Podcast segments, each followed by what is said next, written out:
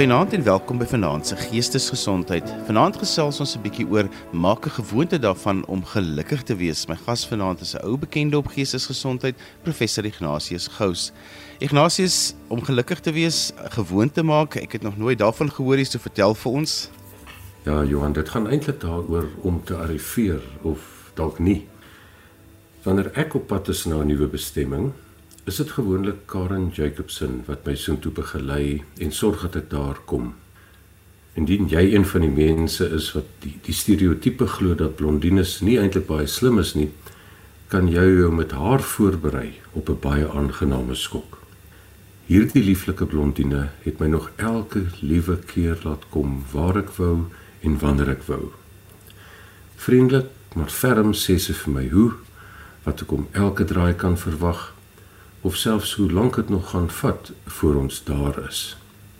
Wat my die meeste plesier gee, is dat sy wanneer ons daar is vir my sê you have arrived. En dan het sy natuurlik ook geen einde nie, want as ek weer wegtrek, is dit dieselfde storie tot ons weer arriveer.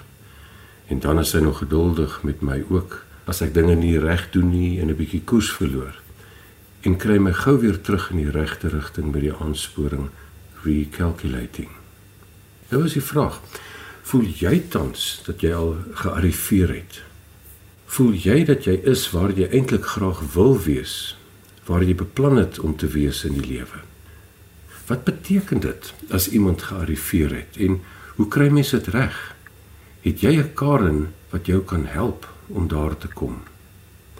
Dalk ek moet, moet ek maar net vir duidelikheid ietsie meer oor Karen sê voordat jy hier afdwaal en totaal en al op die verkeerde pad beland. Karen Jacobsen is natuurlik die stem wat op meer as 'n biljoen, het reg gehoor, 'n biljoen fone en ander slim toestelle gebruik word om vir ons die pad aan te dui of om ons vrae te beantwoord. Dit doen sy op Google Maps, op TomTom, Garmin, Navman, Mew en Apple se Siri. Daar word ook na verwys as the dashboard diva of selfs as the gadget girl. Sy is ook 'n bekroonde sanger, the Curly Queen, en ook 'n befaamde motiveringsspreker onder die naam the GPS girl met temas soos how to recalculate in business and life en the GPS girl's top 10 directions for life. Voorwaar dus die blondine wat jou op die regte pad lei. Maar terug na Arriveer toe. Dis een ding om reisgewys op die regte bestemming uit te kom. Dis 'n bietjie meer kompleks in die lewe. Voeg by dat 'n bestemming nooit finaal is nie, behalwe wanneer jy die einde van jou lewe bereik. In lewe is elke eindpunt weer die beginpunt van 'n volgende tog. Waarheen is jy dus op pad en hoe gaan jy daar uitkom? Waar is daar vir jou? En hoeveel dare is jy in op pad? Om by elke daar van jou uit te kom maak nie saak in watter lewensfase jy jou bevind nie is daar ten minste 3 dinge nodig. Sisteme verdieping en bemeestering. Ons kan sisteme ook beskryf as stelle gewoontes verdieping as toegewyde aandag en bemeestering as lewenslange leer Kom ons kyk na elkeen hiervan in 'n bietjie meer diepte. As ons praat oor stemme en gewoontes, dan is die vraag: hoekom is sommige mense meer suksesvol in wat hulle doen as ander? Of dit nou beroepsgewys, verhoudingsgewys of op enige ander terrein is. Gaan dit oor harde werk? Baie mense werk hard, maar hulle maak dit nie. Gaan dit oor middele wat tot hulle beskikking is? Daar is baie mense met middele en baie min middele wat uitstyg. En baie met alles wat in hulle guns stel, wat sukkel en selfs van alles 'n gemors maak. So, dit is dus 'n baie komplekse saak en nie reduseerbaar tot enkele oorsake nie. Een belangrike aspek is egter sisteme van gewoontes. 'n Boek wat tans wyd gelees en bespreek word, het die titel Atomic Habits geskryf deur James Clear. Nou James Clear is 'n baie interessante mens. Hier in sy laat hoërskool vroeg universiteitslewe het was hy eendag op 'n bofbalbaan en hy daar gestaan en een van die ander spelers het 'n hou geslaan en in die proses het die kolf uit sy hand uitgeglip en vir James reg van voor in sy gesig getref. Dit het geweldige skade aan sy neus en oë gedoen en op die ouend het hy ook breinskade gekry en breinbloeding en drukking op sy brein. Wat vir hom 'n hele jaar lank in 'n hospitaal laat beland het en hy moes van voor af leer loop en leer praat en weer dinge leer doen. Maar hy het daardeur gekom. En toe het hy weer om terug begin wy aan dit wat hy wou gedoen het en die dinge wat hy wou bereik het. Maar dit was op die ou end baie baie moeilik. En daar het hy uit sy eie ervaring geleer wat dit is om klein gewoontetjies te hê. Hy het vir hom ten doel gestel nie om groot veranderinge te laat plaasvind nie, maar net om op sekere belangrike terreine net 'n 1% verbetering op iets te laat plaasvind. En so het hy gesien dat as hy elke dag net 1% beter is, dan is hy in 'n jaar 37% beter in dit wat hy hom voor ten doel gestel het. En so het hy agtergekom. Doelwitte is belangrik, maar hy sê ook we don't rise to the level of our goals. We fall to the level of our habits. En hy het ook gesien dat almal wil bo uitkom, maar Hoekom kom net sommiges daar uit? Almal wil wat inskryf vir of deelneem aan die Olimpiese spele wil wen, maar net 'n paar maak dit. Almal wil suksesvol wees in hulle besigheid, maar net sommiges is wel besig suksesvol daarin. So doelwitte is belangrik vir rigting. Doelwitte is belangrik vir rigting, maar net daarvoor is dit belangrik. As jy net doelwitte het, is dit 'n een eenmalige punt wat altyd in die toekoms lê.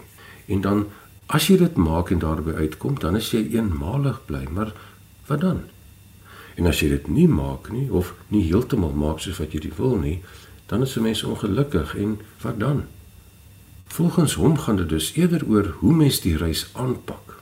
En die reis as sodanig is belangrik. En dit is ook wat baie ander mense, onder andere professor Andrew Huberman van die Universiteit van Stanford sê wat 'n mens moet doen. Dat dit gaan oor die reis.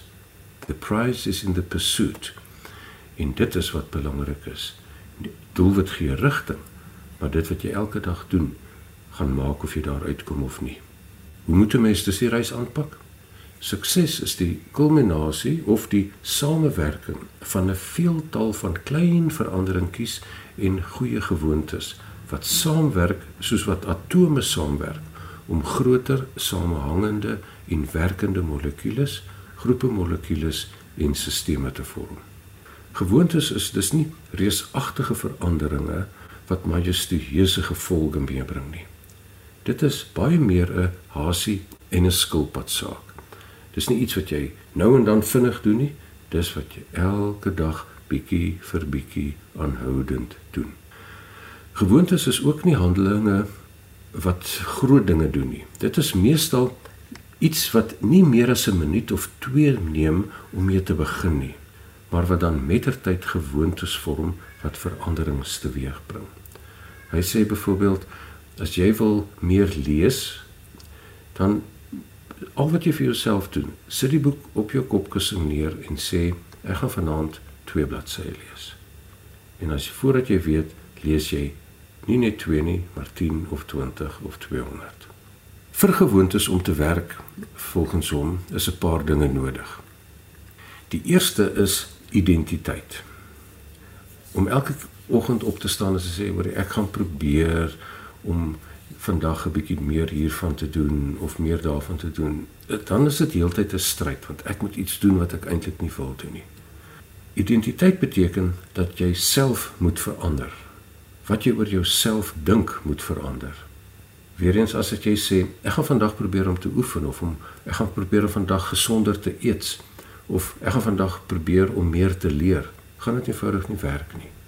Maar as jy egter sê ek is 'n persoon wat gesond leef, gaan jy makliker oefen of reg eet want jy gaan dan doen wat gesonde persone doen.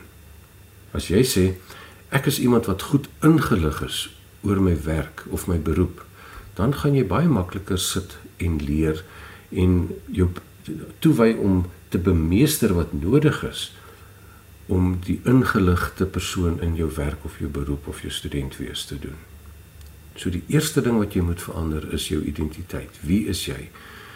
En dit is iets wat jy nou aan moet sit en dink oor.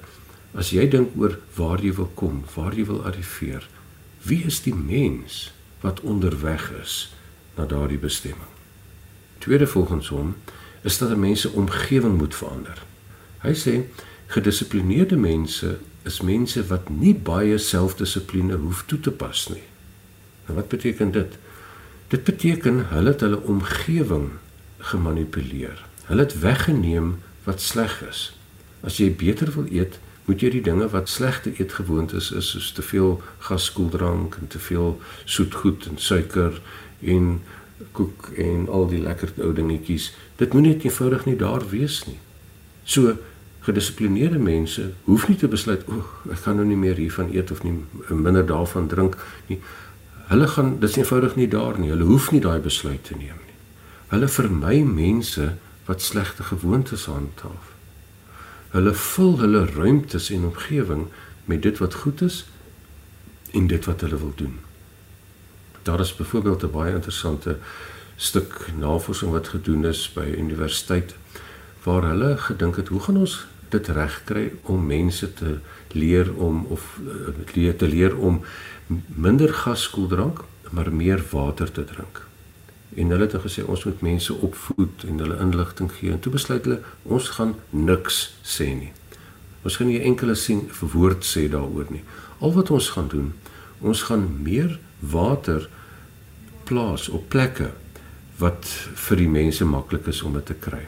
So hulle het 'n helfte van die yskaste vol water geplaas, maar ook op plekke naby die uitgang of waar hulle gesit het, het hulle water neergesit.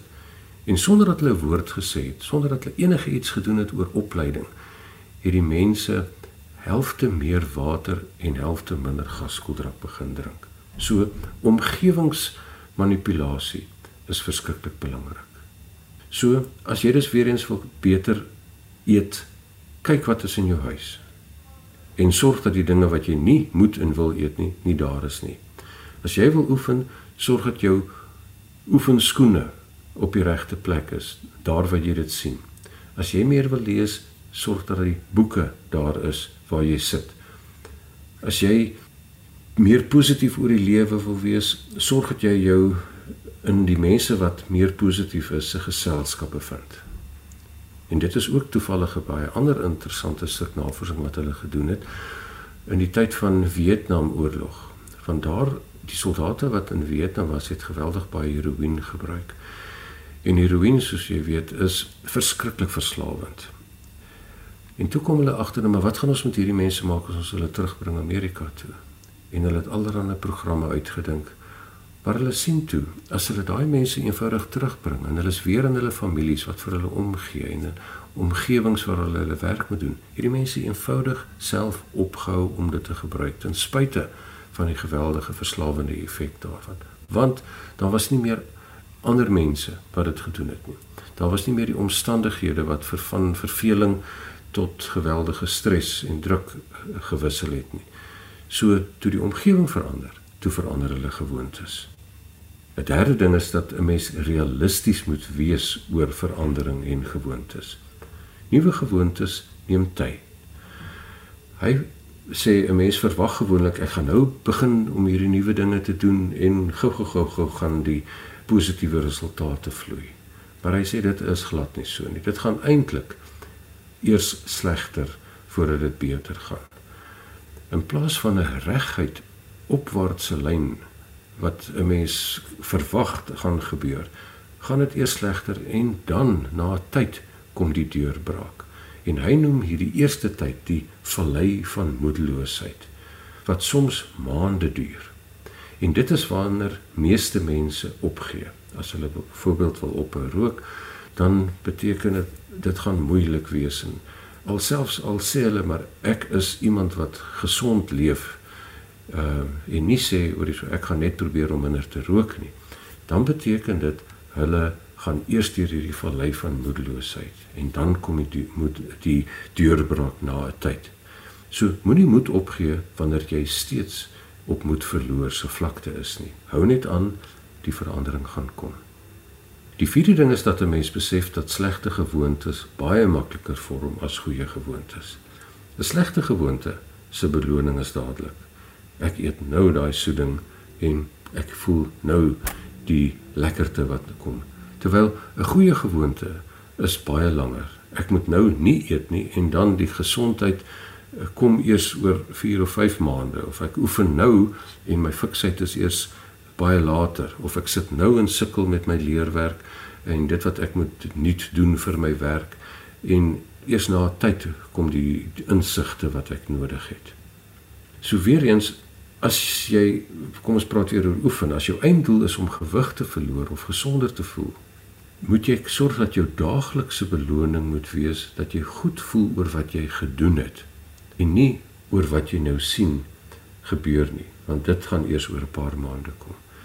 Maar verder moet jy dan ook praat op die regte manier. Jy moet nie nadat jy geoefen het sê, "Oeg, ek is nou moeg nie." Jy moet wel iets sê soos, "Ek voel behaaglik nou dat ek dit gedoen het." Die laaste wat hy sê oor nuwe gewoontes is dat 'n mens moet baie spesifiek wees oor elke klein stappie. Mens moenie sê ek gaan vandag probeer leer nie. Jy moet wel sê ek gaan vandag 7 uur in my kamer sit by my stoel by my lesenaar en begin leer aan die 40 bladsye van hoofstuk 3. 'n Spesifieke tyd, 'n spesifieke afgebakende taak en 'n spesifieke plek is wat belangrik is wanneer jy moet sê dit is wat ek gaan doen. En dan het hy ook natuurlik 'n interessante ding wat hy sê dis dat 'n mens een plek vir een taak moet gebruik. Dat op een plek sit jy en lees of leer, op 'n ander plek is dit 'n plek waar jy oefen, op 'n ander plek is dit 'n kamer is dit waar jy ontspan en TV kyk en sulke dinge. Dit is alles wat 'n mens ook kan help. Jou omgewing, jou tyd en dis meer. So, as 'n mens dus wil arriveer is sisteme en gewoontes nodig.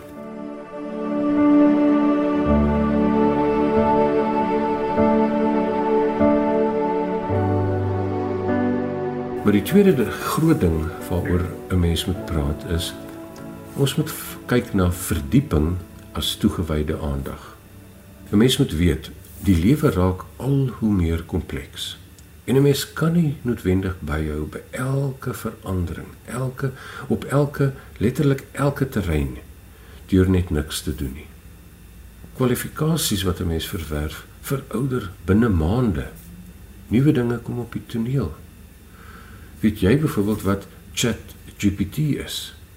Nou dit iets is iets wat maar binne die afgelope 2 of 3 maande op die terrein gekom het wat mense van weet. En dit het 'n geweldige invloed op onderrig en leer. Dit het 'n invloed op die regsberoep. Want dit is nou verskriklik maklik net deur vir die rekenaar te sê stel vir my 'n kontrak op hierop en daar hieroor en daaroor en dit binne minute is dit daar. Dit het 'n invloed op journalistiek. Want as 'n mens nou 'n berig wil skryf, kan jy net sê wat is hier en binne 'n paar minute is dit iets voor jou dit het 'n invloed op nuusdekking. Wanneer 'n mens in 'n land in 'n stemming ingaan, het dit 'n invloed op wat beskikbaar gaan wees op die nuus en in die koerante en wat jou gaan beïnvloed oor vir wie jy moet stem en hoe jy moet stem. Die vraag is gaan jou beroep hier deur oorbodig gemaak word. En daar is 'n groot moontlikheid dat daar 'n klomp beroepe gaan verdwyn of baie gaan afskaal as gevolg hiervan. Maar aan die ander kant, daar gaan talle nuwe beroepe geskep word en is reeds besig om geskep te word as gevolg hiervan. Maar om daarby te kom, om daarby te baat by die nuwe geleenthede, is leer nodig. Net soos wat ons gesien het met die pandemie dat 'n klomp dinge, klomp beroepe sleg beïnvloed is, maar 'n hele klomp nuwe dinge en dienste is daardeur geskep wat nou deel is van ons lewe. Maar ons moet ons verdiep met toegewyde aandag om dit te verstaan en daarop daarby te baat. Die punt is, jy moet jou op verskeie lewensterreine instudeer en inleef in verandering. Jy moet tyd daarin spandeer en jy moet jou verdiep. Nou dit is 'n konsep wat deur die Hongaars-Amerikaanse sielkundige Mihai Csikszentmihalyi geformuleer is onder die term flow soos vloei. Hy het in die Tweede Wêreldoorlog gesien sommige mense gaan onder tydens swaar kry, maar ander floreer. En hy het gevra hoekom? En een aand toe hy saam met vriende uitgaan en nie geld gehad het om saam met hulle te gaan eet of iets wat geld kos te doen nie, het hy na 'n gratis lesing van Carl Gustav Jung gegaan en so het hy met die sielkunde in aanraking gekom en hom toe daaraan begin wy en hom daarin verdiep. En op die ou end was hy die dekaan van sielkunde by die Universiteit van Chicago en is hy maar 'n paar jaar gelede oorlede. In sy lewe het hy wêreldwyd navorsing gedoen onder mense van alle kulture. En dis gesien dat ongeag van jou agtergrond en geslag en ras of wat ook al het hy agtergekom as jy jou inleef en verdiep in iets waarin jy belangstel dan gaan jy soms in hierdie staat van flow waar jy heeltemal tred verloor met tyd en waar jy baie vinniger vorder met jou bemeestering en kreatiwiteit en die dinge wat jy moet doen as wat jy soms net sommer by 'n tafel sit en werk. En hy het dus gesien as 'n mens in daardie staat is, leer 'n mens vinniger, jy verstaan beter en op die ou end is jy baie meer gelukkige mens. En daar is fases in flow. Dis nie net eenvoudig dat jy skielik in hierdie ding ingaan en alles werk nie. Die eerste fase is 'n sukkelfase waar jy jou werklik moet wy en sien maar wat is hier aan en uh, daar is 'n gaping tussen jou vermoë en dit wat jy moet bemeester En as jy dan in na hierdie fase van sukkel net eers 'n bietjie 'n breek vat en uh iets anders doen en dan terugkom en jou verdiep, dan kom 'n mens baie maklik in hierdie fase in of dikwels in hierdie fase in. En dan na die tyd kan jy jou afskakel en jou eenvoudig sien maar ek het my regtig self verbaas oor wat ek reg gekry het in hierdie tyd. Volgens hom het 'n mens ook die sone van leer verstaan. En dit is iets soos die storie van goue lokkies wat uh, die een bed was te hard en die ander een was te sag, maar die ander een was net lekker en die pap was eers te koud en dan te warm, maar dan is daar net een eers lekker. Volgens hom as iets te vir te maklik is, dan gaan jy jou verveel. Jy gaan nie regtig voel maar poeg, ek moet tyd hieraan spandeer nie. Aan die ander kant, as dit te moeilik is, gaan dit vir jou verlam en jou moedeloos maak en jy sê maar dit help nie eers ek probeer hier aan tyd spandeer nie. Volgens hom moet daar 'n gaping van tussen 4 en 10% wees tussen jou bestaande vaardigheidsvlak en die uitdaging dit wat jy moet bemeester. So dit moet dus 'n behartigbare uitdaging wees en dit is die sone waarin jy moet beweeg om in die staat van flow te kom. Na sy dood of eintlik nog tydens sy lewe het 'n joernalis, Steven Kotler, sy werk voortgesit of ook homself daarin verdiep en begin kyk op verskillende lewensterreine hoe flow kan werk. En hy was 'n joernalis wat begin het om die X-sportsoorte daardie sportsoorte wat verskriklike uitdaging is om hulle te volg. Dit is die mense wat hierdie verskriklik groot branders ry of sneeu of ski teen hellings af wat mense nie gedink het moontlik is nie. En in die proses om hulle te volg en baie hiervan self te probeer en hy het self nogal heelwat uh beserings opgedoen in die proses om dit te doen het hy gesien 'n mens hoef nie net te wag dat dit soms na jou kant toe kom nie. 'n Mens kan dit bewustelik kies met die regte snellers en die regte omgewing. En die ongekende verbeterde prestasies in daardie sporte het hy gesien is nie te verklaar met normale vooruitgang soos dat 'n mens hardloop eers die 100 meter in 11 sekondes en dan bring hulle dit af na 10 en dan is dit 9. soveel nie wanneer hierdie mense hulle vaardighede verbeter, soos in branderplankry of rotsklim of skaatsplank of sneeubordry, dan in hierdie staat van flow wat volg op toegewyde aandag en ja in oefening en oefening kom 'n mens baie vinniger by geweldige verbeterde prestasie. En toe sien hulle ook dat in vaardighede soos die skerpskutters in die FSA se Navy Seals is dit 'n helfte van die tyd kry die mense dit reg om daardie vaardigheidsvlak 'n baie hoë vaardigheidsvlak te bereik. En hy het dit begin vir mense leer ook in groot maatskappye soos in Intel en Google en IBM en op vlakke soos leierskap en kreatiwiteit. Die vraag is dus wat doen jy om by te bly as ons weer dink oor arrivering? En soos met die branderplankry, die groot golwe in die lewe kom.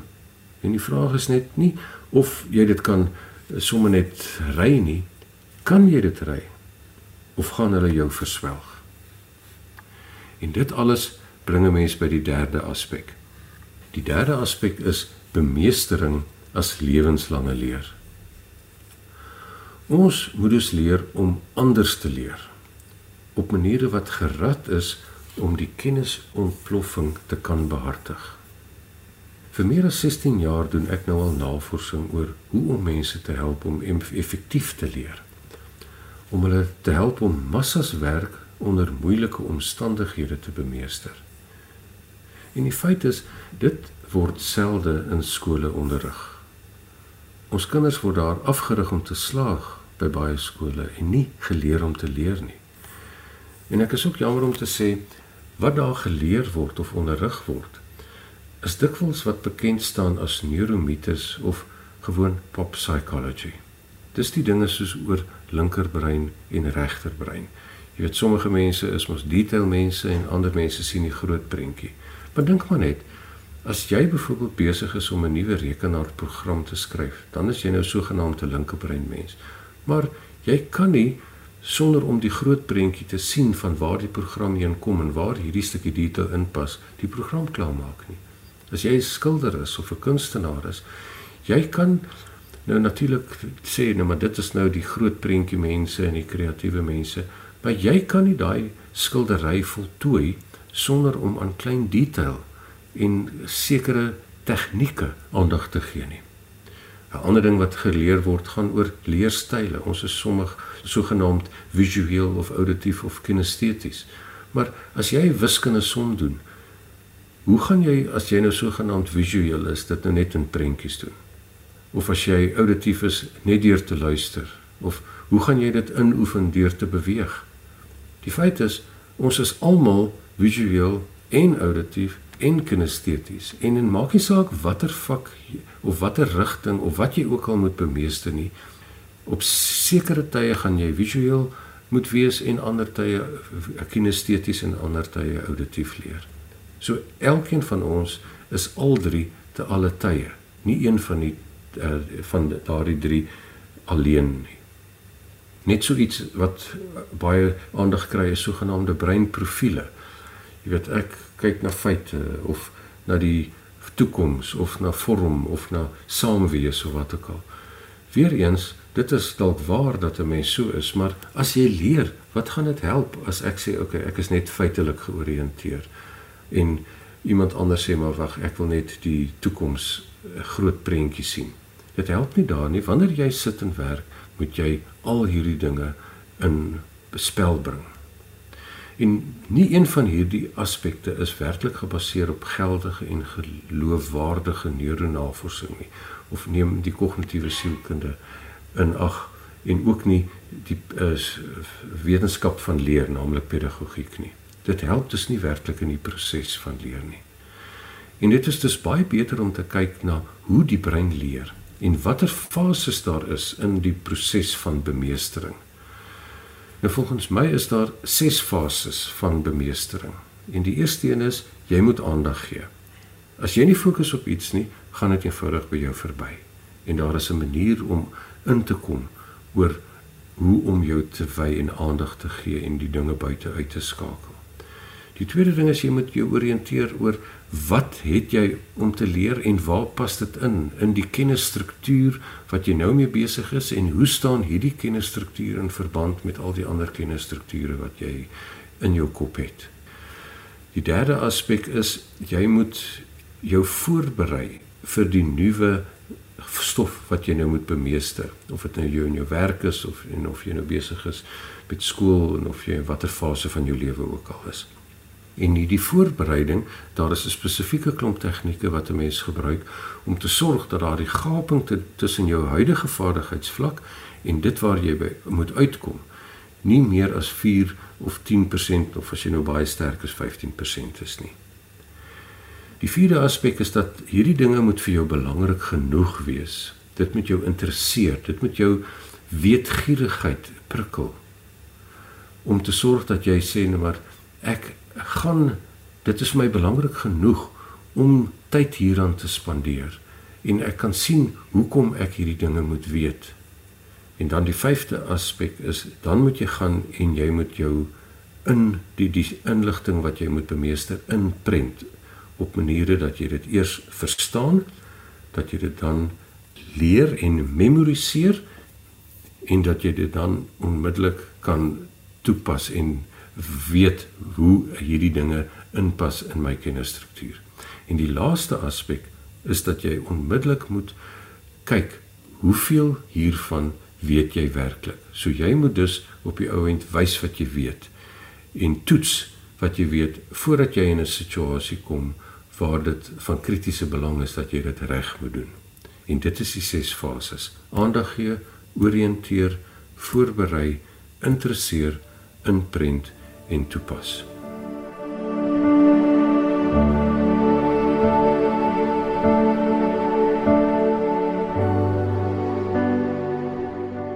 En dit maak nie saak in watter lewensfase jy jouself nou bevind nie. Jy kan dit gebruik om te bemeester wat belangrik is. Nou baie lank gelede het ek iets gelees waar iemand die lewe in sewe fases met net sewe woorde beskryf. En uh, mens begin met al sewe woorde, maar telkens is dit minder. En die sewe woorde is nie oud genoeg om te weet nie. Nou as jy gebore word, is jy nie oud genoeg om te weet nie. En die volgende fase is jy is oud genoeg om te weet. Die derde fase is nie oud genoeg nie. En die vierde fase is oud genoeg. Die vyfde fase is nie oud nie en die sesde fase is oud en die laaste fase is nie. Nou wat beteken dit prakties in jou lewensfase? Ons moet gaan kyk na in watter lewensfase is jy? En wanneer 'n mens na jou lewensfase kyk, moet 'n mens weet daar is bestemmings. So in jou lewensfase of jy nou nie oud genoeg is om te weet nie of oud genoeg of nie oud nie of oud of wat ook al, Wat is jou bestemming in daardie fase? Tweedens, wat is jou identiteit terwyl jy in daardie fase is? Maar jy het ook verskillende identiteite in elke fase. En dan moet 'n mens kyk na wat is die gewoontes wat 'n mens het wat vir jou kan help in daardie lewensfase om by jou bestemming uit te kom? Wat is die goeie gewoontes wat ek moet aanhou hou en wat is die slegte gewoontes wat ek moet weggooi? En dan moet ek ook kyk wat moet ek bemeester om in hierdie fase by my bestemming uit te kom wat deel van my identiteit is, maar wat moet ek ook afleer? So kom ons begin by jou identiteit en dan jou bestemmings en dan die bemeestering en plan en uitvoer en wat 'n mens kan ondersteun met goeie gewoontes aanleer en slegte gewoontes afsweer. En 'n mens kan dit amper sê as mens begin met identiteit dat jy nou hierdie volgende 11 dinge gaan sê wat 'n mens nou nie maklik onthou nie, maar wat 'n mens moet gewoon gaan neerskryf en dan uitwerk. En 'n mens sê ek is 'n eerstens 'n fisies aktiewe. Tweedens geestesgesonde. Derdens emosioneel gebalanseerde. Vierdens geestelik geborge. Vyftens sosiaal betrokke.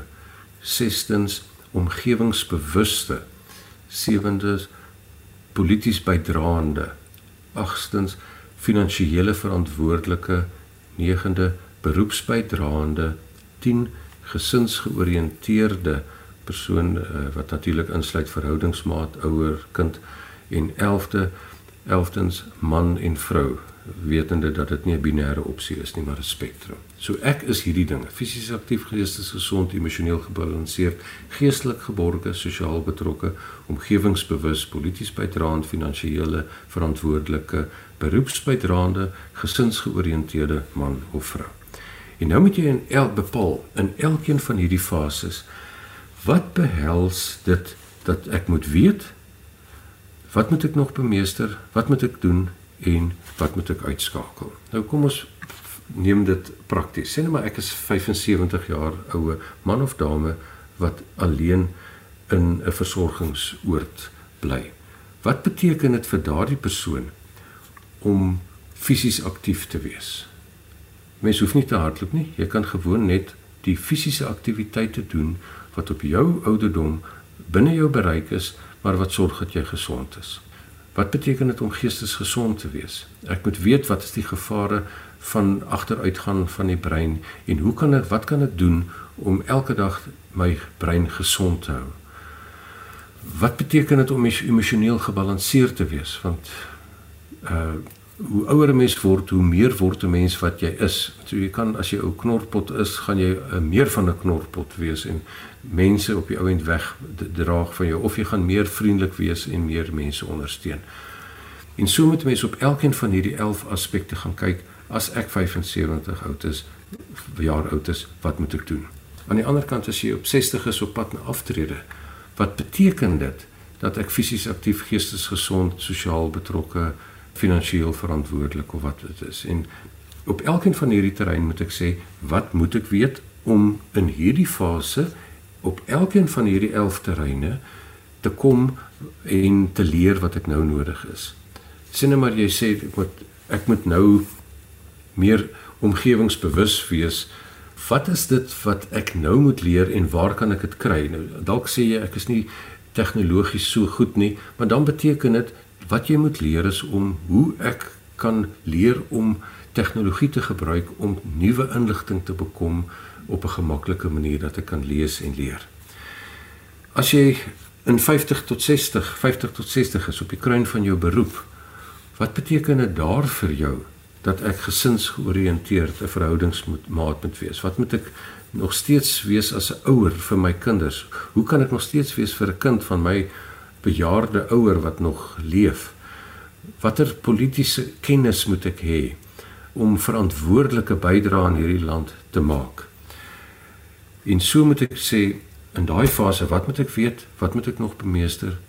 Watter gewoontes moet ek aanleer wat ek elke dag kan doen en watter moet ek uitskakel? En dieselfde as jy 30 tot 50 in die vleur van jou lewe is, dit wil as ouers van kinders, wat beteken ouerskap?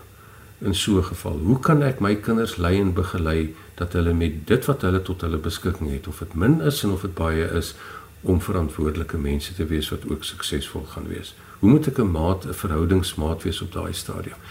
En die ding is, in elkeen van hierdie fases is daar dinge wat 'n mens moet doen wat dalk nie noodwendig in die verlede aanvaarbare maniere is om te doen nie.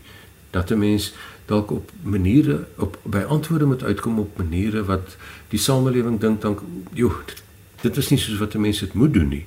Maar dit is hoekom 'n mens moet gaan kyk wat is die uitdaging? Wat moet ek weet? Wat moet ek bemeester? Wat moet ek doen? Wat moet ek uitskakel? En so ook in jou fase as jy 19 tot 30 is in die leer en in die begin van jou beroep op elkeen van hierdie 11 terreine en so. So. Kom ons begin by die begin. Het jy al gearriveer? 'n Mens arriveer gereeld, maar dit is nie wat die punt is nie. Mense is eerder onderweg there is a prize in the pursuit. Die pad wat jy stap. Dit is wat belangrik is. Hoe jy hom stap is wat belangrik is. Wat jy nodig het om te weet terwyl jy daardie pad stap op elke dag. Dis belangrik. En om elke dag die gewoontetjies te doen en wat jou onderhou, die sisteme te onderhou om vir jou daar te kry terwyl jy onderweg is. Dit is wat 'n mens laat voel dat ek gelukkig is.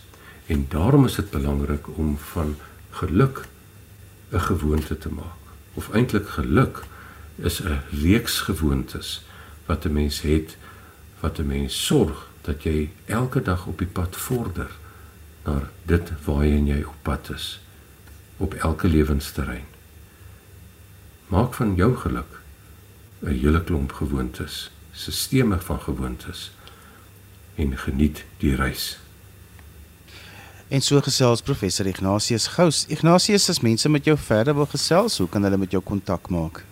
Johan, baie van hierdie inligting is op 'n webblad www.futuresharp.co. Dit is soos toekoms skerp futuresharp.co. Nie kom of Koza of wat ook al nie, net .co. So gaan na www.futuresharp.co. Hulle kan ook op YouTube net futuresharp.co intik of op Facebook, Instagram of LinkedIn en hulle sal baie van die inligting, veral die gedeelte oor hoe jy jou bemeestering kan laat plaasvind hierin en daardie ses fases wat ek het, word daar breedvoerig bespreek. So gaan na www.futuresharp.co toe of hulle kan vir my 'n boodskap stuur uh, per WhatsApp 083 459 1902 0834591902 of hulle kan vir my 'n e-pos stuur by ignatius.gous@gmail.com en onthou nou net my gous spel jy G O U S ignatius.gous gous@gmail.com en ek sal graag vir hulle meer inligting hieroor gee.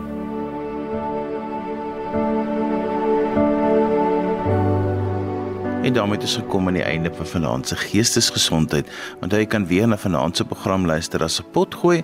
Laai dit af by resgep.co.za. Skryf gerus vir my 'n e e-pos by Johanvanlull@gmail.com en onthou daai Johan het net een N. En daarmee groet ek dan vir vanaand. Kyk mooi na jouself. Tot volgende keer van my Johan van Lill. Totsiens. thank you